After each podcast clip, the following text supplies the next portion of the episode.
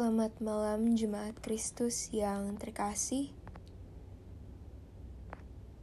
Renungan untuk kita pada malam hari ini berjudul Dapatkah damai benar-benar tercipta? Dan bacaan kita diambil dari Mika 4 ayat 1 sampai 5. Beginilah firman Tuhan.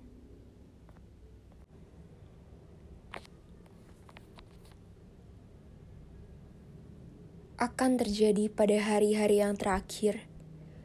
Gunung rumah Tuhan akan berdiri tegak mengatasi gunung-gunung dan menjulang tinggi di atas bukit-bukit. Bangsa-bangsa akan berduyun-duyun ke sana.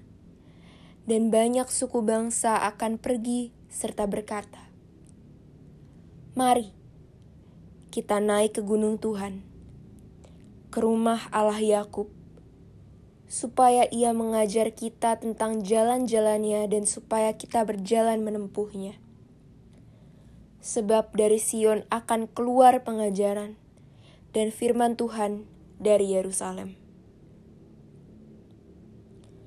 Ia akan menjadi hakim antara banyak bangsa dan akan menjadi wasit bagi suku-suku bangsa yang besar sampai ke tempat yang jauh mereka akan menempa pedang-pedangnya menjadi mata bajak, dan tombak-tombaknya menjadi pisau pemangkas. Bangsa tidak akan lagi mengangkat pedang terhadap bangsa, dan mereka tidak akan lagi belajar perang. Tetapi mereka masing-masing akan duduk di bawah pohon anggurnya dan di bawah pohon aranya dengan tidak ada yang mengejutkan sebab mulut Tuhan semesta alam yang mengatakannya.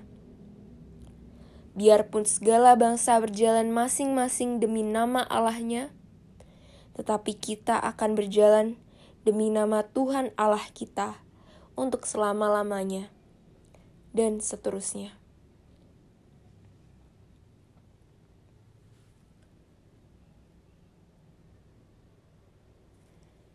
Bagaimana?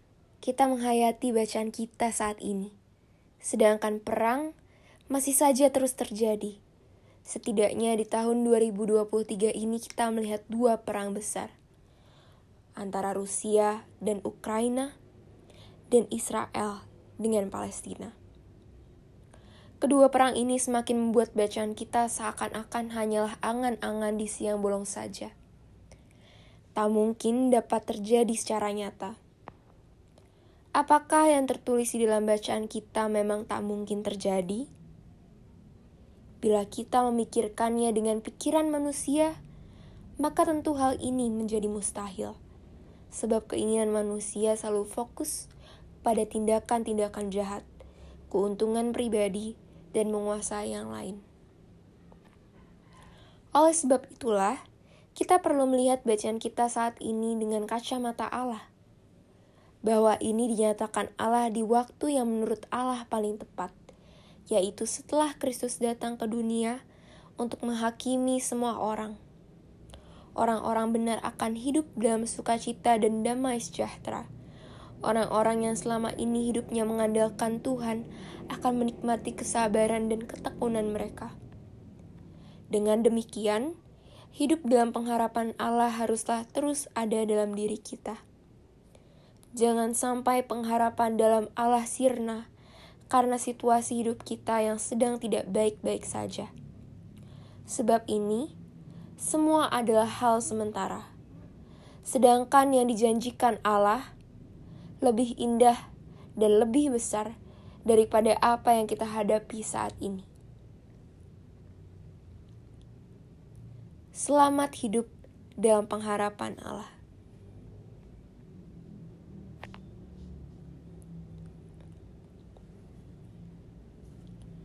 Demikianlah renungan malam ini.